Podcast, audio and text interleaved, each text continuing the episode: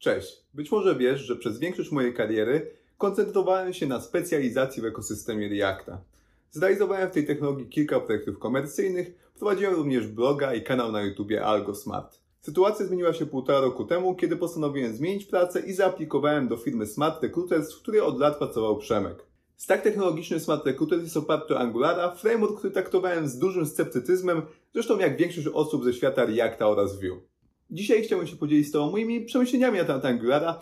Mam już półtora roku doświadczenia w tej technologii, kilka projektów zobaczyłem, poznałem jego mocne i słabe strony i nimi właśnie się e, podzielę w tymże odcinku. Myślę, że moja lista będzie całkiem odświeżająca, ponieważ bazuje na niemałym doświadczeniu zarówno w Reactie, jak i Angularze oraz właśnie możliwości porównywania tych dwóch technologii, e, tego co one tak naprawdę nam oferują, a czego im brakuje. Lecimy z tematem.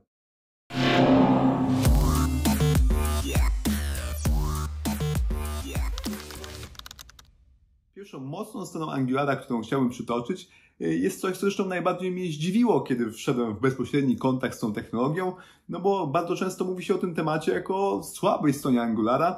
Y, w moim doświadczeniu było zupełnie inaczej. A chodzi tutaj o próg wejścia, poziom wysiłku potrzebny, aby zacząć pisać sensowny kod w Angularze. Bardzo często mówi się, że tego wysiłku trzeba poświęcić bardzo dużo, że trzeba dużo poświęcić czasu, aby cokolwiek sensownego w Angularze napisać, bo tak dużo mamy e, do nauki na wejście. No, w moim przypadku było zupełnie inaczej, bo w przeciągu kilku godzin e, byłem w stanie w oparciu o dokumentację e, poznać wszystkie najważniejsze funkcje tego frameworka i napisać projekt rekrutacyjny do Smart Recruiters, który zresztą został oceniony e, całkiem nieźle, a, a to, że w ten sposób właśnie postanowiłem nauczyć się Angulara, tworząc swój pierwszy projekt e, podczas rekrutacji, zostało odebrane bardzo pozytywnie i wyszło mi na plus. E, tak więc tutaj duże zaskoczenie, bo dokumentacja Angulara jest naprawdę świetna.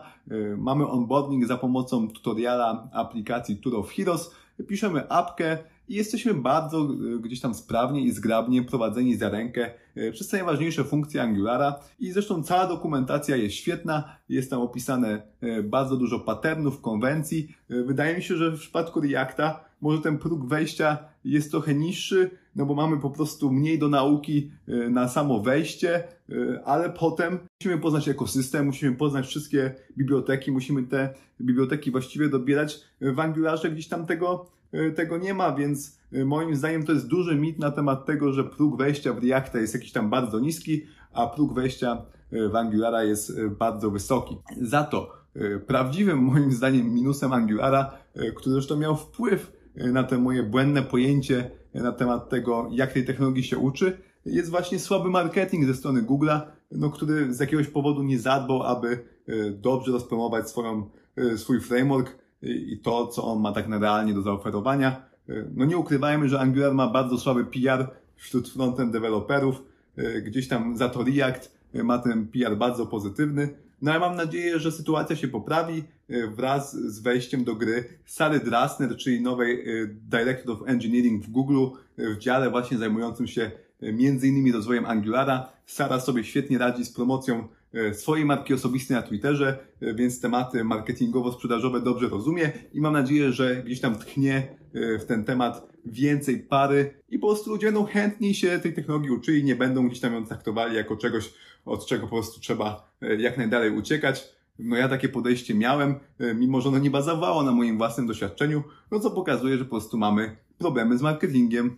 Zanim przejdę do kolejnej pary mocnych i słabych stron, pozwól, że poświęcę chwilę, aby przedstawić Ci patrona dzisiejszego odcinka. Patronem dzisiejszego odcinka jest Smart Recruiters, firma, w której mam przyjemność pracować od października 2020 roku. Smart Recruiter zbuduje system operacyjny dla rekrutacji. Naszą misją jest łatwe łączenie kandydatów z wymarzonymi ofertami pracy. Firma rozwija się bardzo szybko i niedawno osiągnęła status unicorna z wyceną 1,5 miliarda dolarów. Z systemu korzysta ponad 4000 firm, w tym pracownicy LinkedIn, Twittera, CD Projekt Red czy Allegro. Do tej pory platforma wsparła 100 milionów osób poszukujących pracy i każdego miesiąca ich liczba wzrasta o 5 milionów. Interfejs graficzny naszego systemu oparty jest o architekturę mikrofrontendową, na którą składa się kilkadziesiąt aplikacji zbudowanych z wykorzystaniem nowoczesnych technologii takich jak Angular, React oraz Node.js. Obecnie na pokładzie naszej rakiety znajduje się ponad 100 inżynierów, ale ciągle nam mało i szukamy frontend deweloperów o różnym poziomie doświadczenia. Szczegóły na temat pracy w Smart Recruiter spożna z ofert, do których linki znajdziesz w opisie, ale jednym z głównych powodów, dla których lubię pracę w Smartach jest możliwość współpracy ze świetnymi inżynierami. Jeżeli miałeś okazję przesłuchać podcast z udziałem Wiktora Jamro, to dobrze wiesz o czym mówię. Kolejną mocną stroną Angulara, już dużo bardziej oczywistą, jest to, że Angular jest frameworkiem z prawdziwego zdarzenia. Mamy tutaj do dyspozycji wszystko, czego nam potrzeba, aby budować aplikacje e, UI-owe. Nie musimy się przejmować tak naprawdę jakimikolwiek bibliotekami. Mamy na pokładzie Angular CLI, mamy na pokładzie silnik szablonów, e, API do zarządzania formularzami, czyli Active Forms. Mamy do dyspozycji e, serwisy do komunikacji z API, mamy routing, no mamy dosłownie wszystko, czego nam do szczęścia potrzeba. Zero gdzieś tam szukania jakichś różnych niestandardowych libek. Po prostu jesteśmy gotowi do działania i to jest naprawdę fajne, zwłaszcza dla osoby, która przychodzi do świata Reacta, y, gdzie no mamy out of the box tak naprawdę stosunkowo niewiele i duża część naszego projektu to jest właściwy dobór bibliotek, a zawsze jak jest wybór, no to jest gdzieś tam duży potencjał na to, aby ten wybór y, nie był wyborem optymalnym. Niestety mimo to, że Angular jest frameworkiem z prawdziwego zdarzenia, y, to jego słabszą stroną jest E, fakt, że Google nie tylko nie dba o marketing, ale również jakoś niespecjalnie dba o developer experience. Najlepszym na to dowodem jest fakt, że DevToolsów oficjalnych doczekaliśmy się dopiero w maju tego roku, czyli 5 lat po pierwszym release Angulara 2+. No to jest naprawdę dużo czasu. W świecie Reacta i Vue DevToolsy pojawiły się już dawno, dawno temu. Nikt już chyba nie pamięta czasów, kiedy tych narzędzi nie było podczas gdy w Angularze przez e, kilka lat musieliśmy korzystać z nieoficjalnych rozwiązań, których jakość była mocno średnia, że się tak wypowiem. Tak więc tutaj również e, jeszcze praca przed Googlem do wykonania w temacie tego, aby programiści mieli niezbędny tooling oraz mieli przyjemne e, gdzieś tam doświadczenie w komunikacji z frameworkiem, zwłaszcza kiedy coś nie działa jak powinno. Tutaj również liczę na Sarah Drasner, że ona o te tematy zadba. Wracając do mocnych stron Angulara, jest to zdecydowanie konwencja i struktura, e, czyli po prostu duża ilość dobrych praktyk, e, narzuconych sposobów rozwiązywania konkretnych problemów, e, dzięki czemu mamy wysoki poziom jakości, niezależnie od teamu, który dany projekt realizuje. Oczywiście to nie znaczy, że wszystkie projekty w Angularze są jakieś wybitnie czyste i nie mają żadnych problemów, ale jest mniej potencjału dodawania ciała w najprostszych zadaniach, E, tutaj jednak po przeczytaniu dokumentacji mamy dość dużo e, narzędzi i sposobów na rozwiązywanie, jak wspominałem, najczęściej występujących problemów. W świecie Reacta e, gdzieś tam takich wskazówek jest dużo mniej, no przez to zwłaszcza osoby niewtajemniczone, które nie mają doświadczenia, mają więcej okazji do popełniania suboptymalnych decyzji, do popełniania błędów najzwyczajniej w świecie. No dzięki czemu, jeżeli mamy dużą firmę, mamy dużą ilość projektów realizowanych, no to Angular świetnie się tutaj sprawdza. Bo nawet jeżeli zmienimy team, jeżeli zmienimy projekt, no to nie potrzebujemy dużo czasu, aby się w nim odnaleźć.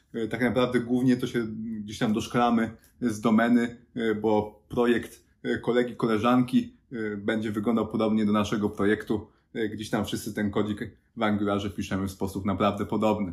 Miłości do, do tego typu podejścia nauczył mnie Laravel, gdzie również mamy dużo narzuconych, sprawdzonych rozwiązań, Oczywiście nie każdemu może to odpowiadać. Niektórzy lubią wolność i tutaj oczywiście e, React e, świetnie się sprawdza. Moim zdaniem ta wolność jest trochę przedaklamowana, bo ona w praktyce częściej prowadzi do problemów niż korzyści, ale oczywiście mamy tutaj pełen wybór, e, o gustach się nie dyskutuje. Może jest to trochę ze sobą powiązane, ale minusem Angulara jest to, że mamy mniejszą społeczność, no to oczywiście wynika z mniejszej popularności tej technologii, ale również ta społeczność jest dużo mniej aktywna. Mniej gdzieś tam tweetów na temat Angulara, mniej filmów, mniej blogów. Nie wiem z czego to wynika. Wygląda na to, że gdzieś tam jako Angular deweloperzy mocno się skupiamy na tej pracy od 8 do 16, realizujemy te swoje projekty Enterprise, potem zamykamy komputer służbowy i gdzieś tam już o tym Angularze tak dużo nie myślimy, podczas gdy React deweloperzy po prostu po nocach siedzą, piszą o tej bibliotece, realizują jakieś zajawkowe projekty. W Angularze jest tego dużo mniej. Z czego to wynika do końca Nie wiem, ale taki jest stan faktyczny. Teraz przejdźmy do kilku aspektów bardziej technicznych, tego co mi się w Angularze podoba i tego co mi się w Angularze y, nie podoba. Co mi się podoba to na pewno Angular CLI, y, czyli linia komend, która pozwoli nam zautomatyzować najczęściej występujące zadania, takie jak tworzenie komponentów, tworzenie serwisów, tworzenie jakichś tam pipe'ów, dodawanie bibliotek. Y, to wszystko możemy zrobić w łatwy sposób za pomocą linii komend, bądź też za pomocą Y, integracji z naszym edytorem, ja korzystam z WebStorma, no i tam jednym kliknięciem mogę sobie szybko komponent wygenerować. To fajnie oszczędza czas, nie muszę gdzieś tam się męczyć jakimś kopii i pastowaniem y, tego, co już miałem stworzone wcześniej, bądź też korzystanie z pluginu Visual Studio Code, jak to robiłem w Reactie, no bo tam na ogół ten plugin ma jakiś format, ja może korzystam z innego, no bo jak już mówiłem, w Reactie mamy dużą dowolność i gdzieś tam nie jest tych konwencji i standardów, Y, więc jest też dużo miejsca na to, abyśmy robili coś w inny sposób y, niż druga osoba. Druga rzecz, którą bardzo lubię w projektach Angularowych i która jest czymś y, tak naprawdę oczywistym, jest obecność TypeScripta oraz RxJS w każdym projekcie.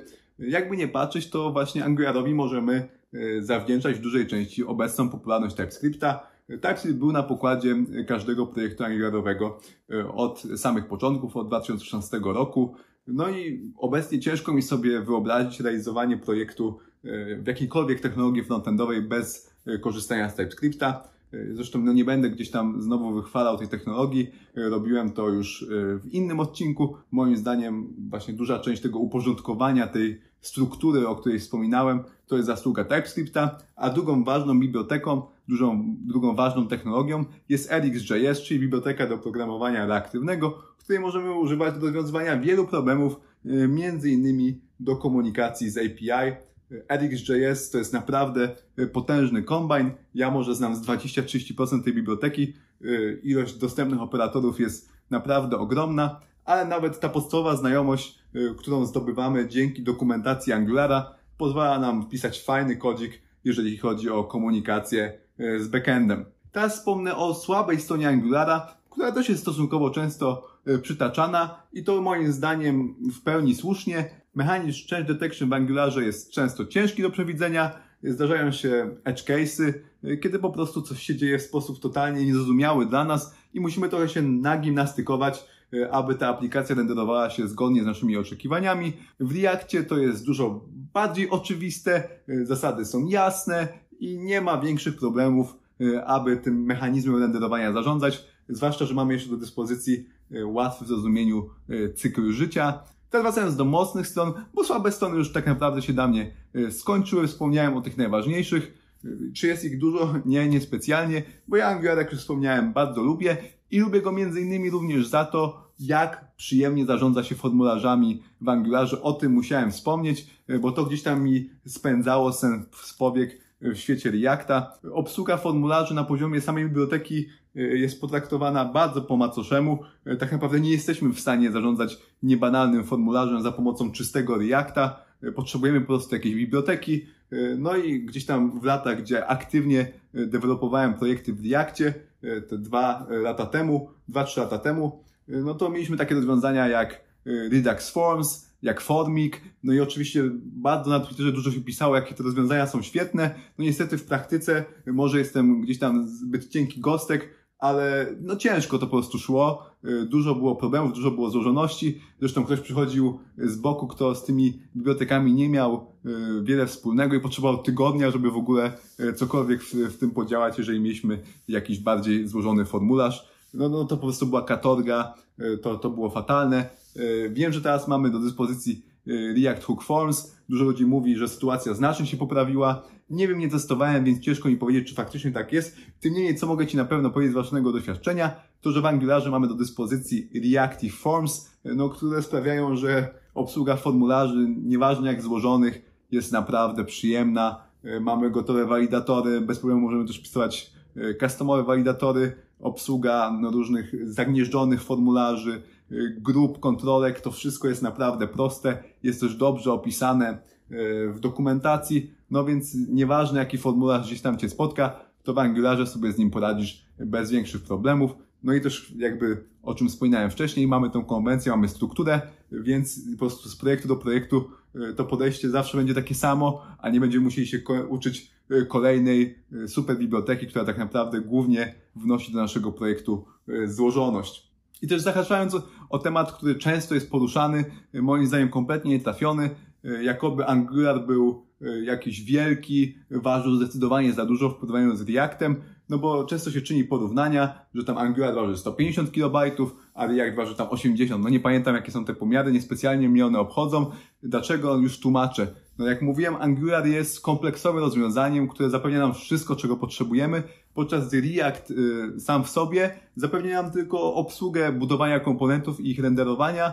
Całą resztę musimy wciągać y, za pomocą bibliotek, więc jeżeli porównujemy gołą, goły framework i gołą bibliotekę React, no to oczywiście będą duże różnice w wielkości. Za to jeżeli do Reacta dodamy te wszystkie y, niezbędne biblioteki, takie jak React Router, jak jakaś lipka do obsługi y, formularzy ich walidacji, y, coś do komunikacji z API, jakiegoś tam Reduxa, to nagle się okazuje, że wielkość paczki Angularowej i paczki Reactowej jest dokładnie taka sama. To jest jeden z takich bardzo popularnych mitów, które osobiście stosunkowo mnie irytują. No więc warto gdzieś tam moim zdaniem za Angulara chwycić samemu i zobaczyć, jaki on jest w praktyce, a nie jak, jak się o nim mówi, bo moim zdaniem jest duża przepaść pomiędzy jednym a drugim. Zresztą z ciekawości też sprawdzałem ilość ofert, ofert pracy, jakie są obecnie dostępne na rynku i okazuje się, że ofert pracy w Reactie i w Angularze, e, na przykład na portalu pracy.pl jest prawie tyle samo, więc może się okazać, że dla osób gdzieś tam, zwłaszcza na niższym poziomie doświadczenia, na poziomie juniora czy regulara, nauka Angulara może być lepszą decyzją, bo wygląda na to, że na tym rynku konkurencja jest mniejsza i jest dużo firm, które po prostu szuka aktywnie specjalistów Angulara, podczas gdy w Reakcie pisze obecnie prawie każdy i może się okazać, że mimo, że tych ofert jest troszeczkę więcej, to jest dużo większa konkurencja, zwłaszcza, że o Angularze krąży ten mit, że są bardzo ciężki do nauki. No jeżeli samemu spróbujesz, to moim zdaniem przekonasz się, że wcale tak nie jest. Tyle w temacie mocnych i słabych stron Angulara okiem React Developera. Daj znać, co sądzisz o moich przemyśleniach, co ty sądzisz na temat e, Angulara e, i jakby jego zestawienia z Reactem. Dziękuję Ci za uwagę. Do usłyszenia w kolejnym odcinku. Pozdrawiam. Marcin Czarkowski.